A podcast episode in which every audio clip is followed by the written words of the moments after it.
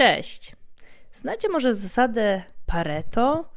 Zasada, która mówi o tym, że 20% podjętych działań daje nam 80% efektów. I jak najbardziej ta zasada również tyczy szkolenia psów.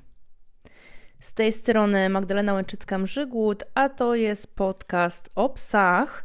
Psie gadamy dzisiaj jeden z ważnych, żeby nie powiedzieć najważniejszych tematów, które zapewne Was interesują, ponieważ będzie o przywołaniu. Zapraszam. Wspomniana zasada Pareto jak najbardziej też odnosi się do uczenia psa przywołania.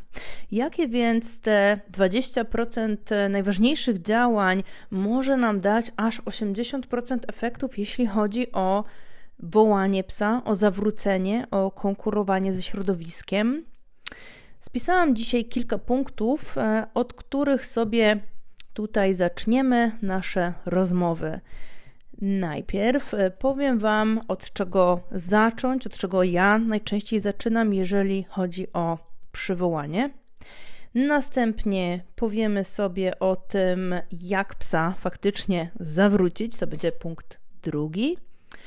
Punkcie trzecim trochę powiemy o psich potrzebach e, i o tym, dlaczego one też wpływają na to, że pies chętnie lub niechętnie do nas wraca. I czwarty punkt są to takie techniczne rzeczy, gdzie po prostu wrzuciłam trochę y, takich właśnie powiedzmy y, rzeczy, które może już słyszeliście, może będzie troszkę nowości. Jeden worek, technikalia. Tu, zanim zaczniemy, mam dla Was taki obrazek. Dla mnie przede wszystkim praca z psem, czy to gdy się z nim bawimy, uczymy go różnych zachowań, obserwujemy, chodzimy na spacery, podrzucamy gryzaczki, mm, komunikujemy się z nim, to wszystko jest inwestycją. I w zależności co robimy dokładnie, może być to oczywiście lepsza inwestycja, może być to słabsza inwestycja, ale jest to pewnego rodzaju inwestycja. I lubię porównywać daną, daną umiejętność do wręcz skarbonki. I za każdym razem, gdy robimy jakąś rzecz, to tak jakbyśmy do tej skarbonki wrzucali trochę kasy. I podobnie jest tutaj. Robiąc te rzeczy, o których Wam zaraz troszkę opowiem, to tak jakby właśnie do tej skarbonki podrzucać 5 zł, 10 zł, w zależności od tego, jak fajne to jest dla psa, jak dobierzemy nasze działania do środowiska, bo na przykład czasem nawet najlepsza parówka nie będzie psu smakowała, jeśli na przykład na horyzoncie gdzieś tam zakrada się sarna. I to cała też sztuka, wiedza, żeby faktycznie tak fajnie psa zaktywizować na tą trochę już przysłowiową perówkę, żeby on się wkręcał, polował na nią, wyjadał na nią z ręki, żeby faktycznie był w stanie nawet z tej sarny zrezygnować. Więc mamy sobie tą skarboneczkę, pod którą jest napis przywołanie.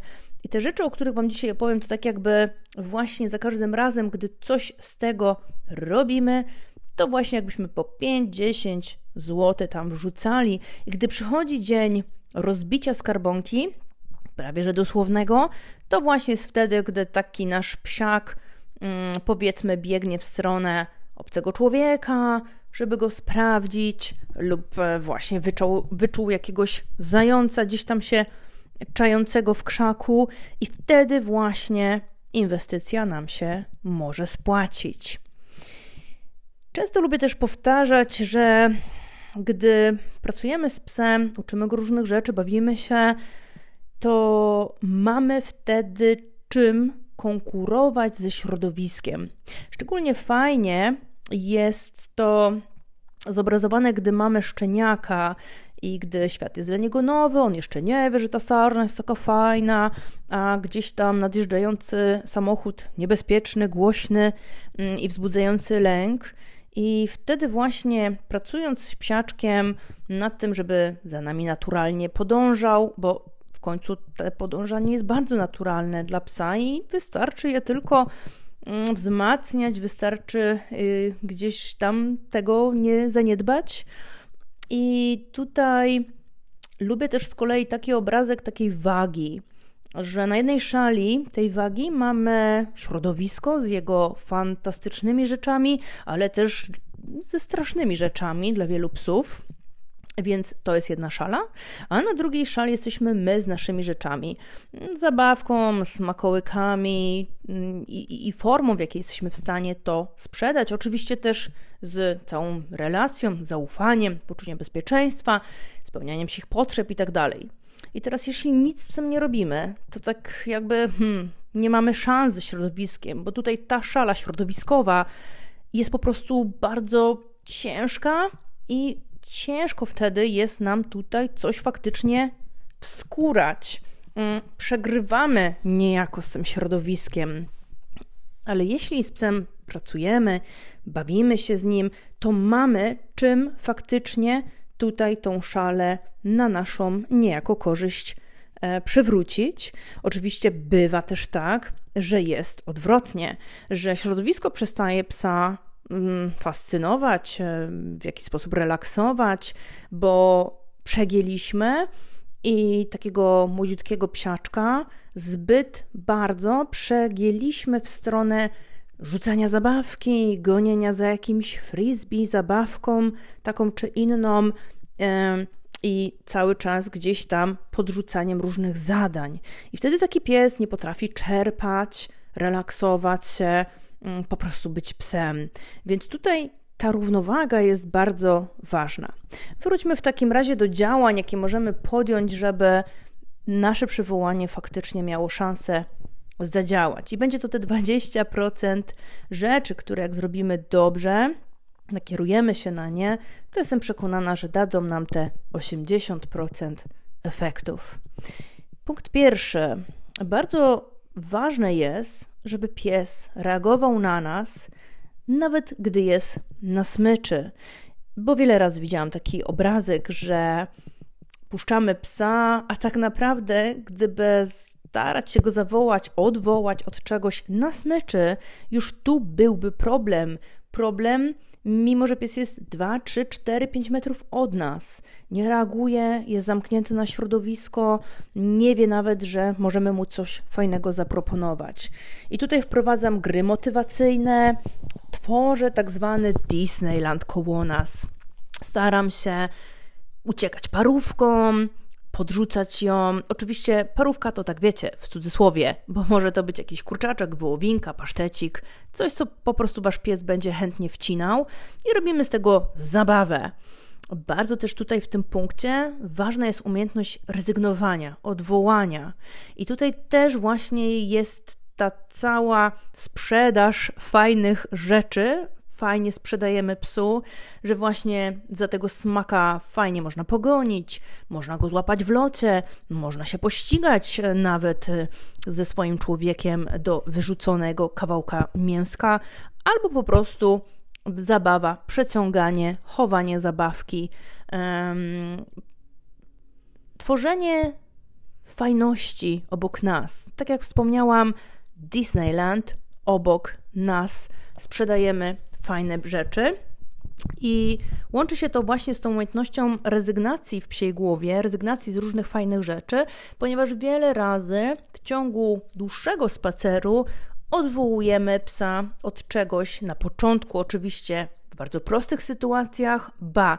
Często wracamy do podstaw i wołamy psa, gdy nic się nie dzieje, bo wielokrotnie widziałam taki błąd, gdzie Człowiek wołał swojego psa, a ten zamiast wracać do niego po prostu rozglądał się na prawo i lewo, od czego ona mnie tak odwołuje. Tego nie chcemy, więc starajcie się wołać psa wiele razy, również wtedy, gdy nic się nie dzieje. I bardzo ważnym tutaj warunkiem właśnie tej jakości odwołania jest to, że faktycznie czujecie, że pies wchodzi w aktywności, które mu wtedy przez tą minutę, dwie minuty nie musi być długo, ale coś fajnego oferujecie. Mówicie hasło koniec, które właśnie znowu tutaj na tym obrazie tej wagi przerzuca go na środowisko. Takie ćwiczymy włącz, wyłącz. Kolejny punkt, drugi. bardzo ważne. Wołamy, gdy jest szansa na sukces. Staramy się działać na sukcesie. Pamiętajcie, że bardzo wierzę w to i, i, bardzo mi się to sprawdza. Sukces rodzi sukces. Czyli staramy się wołać wtedy, gdy faktycznie mamy szansę, że pies usłyszy, że pies zareaguje. Ba, często nawet robię tak, że wykorzystuję to, że pies sam do mnie biegnie, żeby się zameldować. Hej, masz jakiś pasztecik? A może tym razem dasz mi jakąś zabawkę? Czyli też zaskakuje psa fajnie. Mm, czasem tylko go fajnie pochwalę, bez jakiegoś tam czochrania głowy, bo większość psów tego naprawdę nie lubi. Po prostu się bardzo ucieszę, okażę swój entuzjazm. Czasem zaproponuję, hej, to zrób jakąś sztuczkę, ale jesteś świetny, dobra, biegaj dalej. Mm, czasem powiem, hej, no to pokap, pokop tutaj w tym kretowisku, ponieważ e, moje psy to uwielbiają, a czasami zawołam, bo właśnie skręcam w stronę wody, za to też one są wdzięczne, więc staram się je wołać do rzeczy, które bardzo im się podobają. Też daję informacje, gdy na przykład jakiś pies się zbliża, więc dla mnie jest bardzo ważne trzymanie tego, że gdy ja otwieram usta, to moje psy zaczynają nasłuchiwać, bo to znaczy, że jakaś ważna informacja dla nas idzie. Nie znieczulam, nie jestem takim radiem, które cały czas coś tam nawija, a i tak pies zmienia stację. Więc tutaj staramy się nie znieczulać, wołać, gdy pies faktycznie jest tutaj duża szansa, że nas usłyszy. Mało tego, często nagle uciekam, e, kucnę, zaczynam odbiegać od psa i to wywołuje jego, o Boże, Boże, co się dzieje, biegnie do niej. I ja dopiero jak widzę, że pies biegnie do mnie, nazywam to zachowanie mówiąc do mnie, dawaj, Zuko, do mnie, dawaj. I się na przykład chwilę bawimy. Kolejny punkt, trzeci, dbanie o psie potrzeby. Psie potrzeby są bardzo różne i o tym też już nie jeden filmik nagrałam, nie jeden artykuł mm, napisałam i najważniejsze tutaj to, co bym tak wrzuciła Wam na teraz, to jest z sprawianie, że pies jest w stanie spokojnie eksplorować środowisko, jest jakby nasycony tym środowiskiem. I tutaj oczywiście absolutnie nie namawiam Was, że jeśli nie macie przywołania w miarę opanowanego, to żebyście puszczali psa gdzieś tam w parku czy po osiedlu i nie byli w stanie go odwołać, ganiali za nim i tak dalej, bo nie, absolutnie nie, o to chodzi. Ale czasem są naprawdę fajne możliwości, gdzie na przykład jesteście w stanie wrzucić psa do auta, pojechać poza miasto, i na jakiejś dłużej łące, nawet na jakiejś długiej lince, wiele razy go poodwoływać, zobaczyć, że hej, mam z nim kontakt, jest fajnie, chętnie na jedzonko e, się angażuje, no to faktycznie go puszczę, czy tam wzdłuż jakiegoś jeziorka, wzdłuż może jakiejś rzeki. I tutaj bardzo dużo takich ćwiczeń robię. Można też oczywiście wybrać jakieś ogrodzone e, ogrodzony teren, chociażby nawet psiego parku, ale uwaga, pustego, bez psów w środku, gdzie i tam damy psu na początku trochę powęszyć, żeby tak się obył z tym środowiskiem i dopiero później go będziemy odwoływać, dawać mu naj fajniejsze rzeczy na świecie i zwalniać, żeby znowu sobie podyndał. Więc dla mnie tutaj to dbanie o psie potrzeby, o możliwość swobodnego eksplorowania środowiska, o to, żeby pies był wybiegany, jest istotna w tym całym procesie pracy nad przywołaniem. Wiem, że to jest trochę wyzwanie, ale ewentualnością są tutaj też długie linki, może też zabieranie psa na rower lub jak joggingujecie, żeby faktycznie tego ruchu, eksplorowania, nawęszania się miał dużo. Bo jeżeli wyciągacie takiego młodzika z domu mm, na 15 minut, to nie ma bata, żeby on do Was wrócił, dlatego że on jest tak nienasycony tym środowiskiem, że w tym momencie ta nasza waga jest totalnie prze, prze, wręcz przewrócona w stronę środowiska i ciężko to się po prostu przebić przez to środowisko. To środowisko ma tyle do zaoferowania, bo pies jest nienasycony nim, więc ciężko faktycznie być konkurować z całym tym dobrodziejstwem.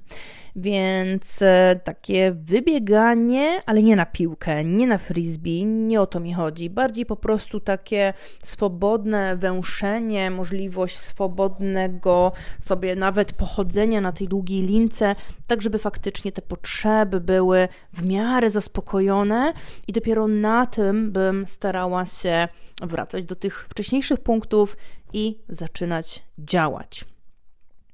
Czwarty punkt to te techniczne różne rzeczy. Pewnie już część znacie. Ja lubię je wplatać, ponieważ faktycznie fajnie też nasterowują psa na kontrolowanie nas, a nie nas cały czas, że psiaka.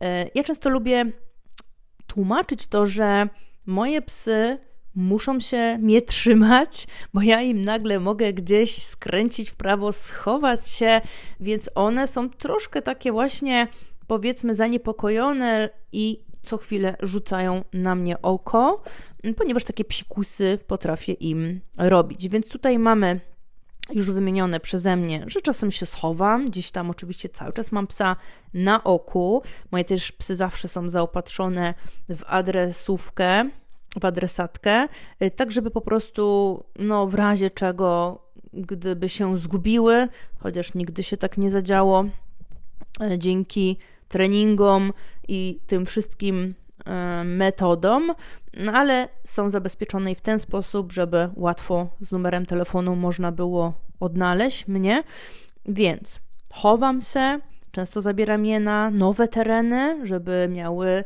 fajne nowe tereny do wyniuchania, ale też, żeby właśnie te trasy były różnorodne, nie nudziły się im i żeby się też czuły, że bardziej muszą się mnie pilnować.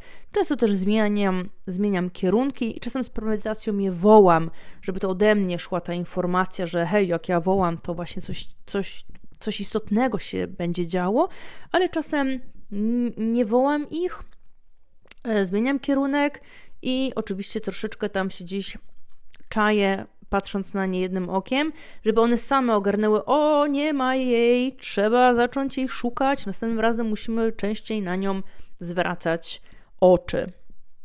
E, bardzo też lubię takie, taki schemat spaceru, gdzie często wołam psa, nagradzam, Czasem zapinam na smycz, idziemy kawałek, znowu nagradzam, zwalniam z tej smyczy i biegają dalej. I tak potrafię z młodymi psieczkami, w które właśnie dużo muszę inwestować. Dość często tak robię. Chodzi o to, żeby wołanie, widok smyczy nie budziły skojarzeń ze stratą, z końcem mm, spaceru, ponieważ będzie to, mówiąc najprościej, kara. E, pies będzie unikał tego przychodzenia, no bo oznacza koniec ukochanego biegania. No i też zastosowanie linki, o której już Wam wspomniałam. Jeśli mam ograniczone do psiaka zaufanie, to stosuję linkę minimum takie 7 metrów, 10 metrów. Już dłuższych raczej nie, bo to się bardzo plącze. I tak są minusy linki, ona się plącze, e, gdzieś tam zbiera czasem jakieś e, gałązki. Lubię też oczywiście wtedy, żeby pies był w szelkach, bo w razie jakiegoś zaplątania, no to nie, nie, nie szarpnie go na, e, na obruszce, tylko te szelki będą dla niego bezpieczniejsze. I tutaj są różne metody, jakby skracania tej linki czy wycofywania linki. Ja po prostu powiem Wam, że robię tak, że pies biega zawsze z tą linką, jeśli mam dopiero psa uczę, dopiero jakby no nie, nie, nie ufam mu, to biega z linką. ale jeśli widzę, że na tej lince naprawdę on przechodzi, jest wszystko dobrze ja czuję kontakt z nim, widzę, że on nie zatraca się w tym środowisku, że kontroluje mnie jednym okiem, to zaczynam wtedy po prostu w pewnym momencie, na przykład zaczynam spacer z linką, widzę, że przyszedł do mnie bez problemu drugi, trzeci, czwarty raz, no to w pewnym momencie po prostu odpinam tą linkę i biega wtedy bez linki. Mm, ale są oczywiście też sytuacje, gdzie pies się nauczył, że bez linki, aha, dobra, hej, jadę, jadę i nie wracam, więc wtedy są takie metody na przykład obcinania linki, kilka centymetrów co każde powiedzmy 2-3 tygodnie, żeby po prostu pies nie miał aż takiej gigantycznego, takiej gigantycznej różnicy. Więc tutaj oczywiście jest do dostosowania. No i podsumowując, warto myśleć o jakości, właśnie zgodnie z tą zasadą Pareto, że 20% naszych działań daje nam to 80% efektów, więc warto myśleć o jakości, aby się nie narobić, a mieć fajne efekty. I zdecydowanie przywołanie jest tutaj podstawą, daje też nam dużo luzu, daje przede wszystkim tego luzu psiakowi, ponieważ mamy większe zaufanie. Możemy go wtedy puścić, pies sobie używa tego środowiska, wracacie do domu, dajecie gryzaka, likmatę czy konga, on sobie jeszcze to konsumuje i słodko zasypia. Uwielbiam takie momenty, dlatego u mnie codziennie minimum 60 minut jest właśnie takiego luźnego, bezsmyczowego spaceru, gdzie psy sobie węszą, biegają. Czasem, tak jak Wam opowiadałam, zawołam je, pobawię się. Czasem e, po prostu nawet ich nie wołam, tylko sobie korzystają z, z tego spaceru. Czym są bardziej ogarnięte, tym mniej muszę inwestować, ponieważ swoją inwestycję już zrobiłam. Słuchajcie, mam nadzieję, że odpowiedziałam na jedno z Waszych e, ważnych pytań, ponieważ jest ankieta, w której dajecie mi takie propozycje tematów, za które was, e, za które za wszystkie bardzo dziękuję. Ja sobie właśnie czytam i o przywołaniu Mm, to jest właśnie temacik z ankiety, także będę realizowała w ramach właśnie naszej Akademii Ogarnij Go różne tematy. Mam nadzieję, że w lutym, w y, są, y, gdzie, gdzie zapisy otwieramy, 16 lutego dołączycie do dużego webinaru, na którym będę Wam opowiadała o wielu przydatnych rzeczach. Do zobaczenia, do usłyszenia. Pa!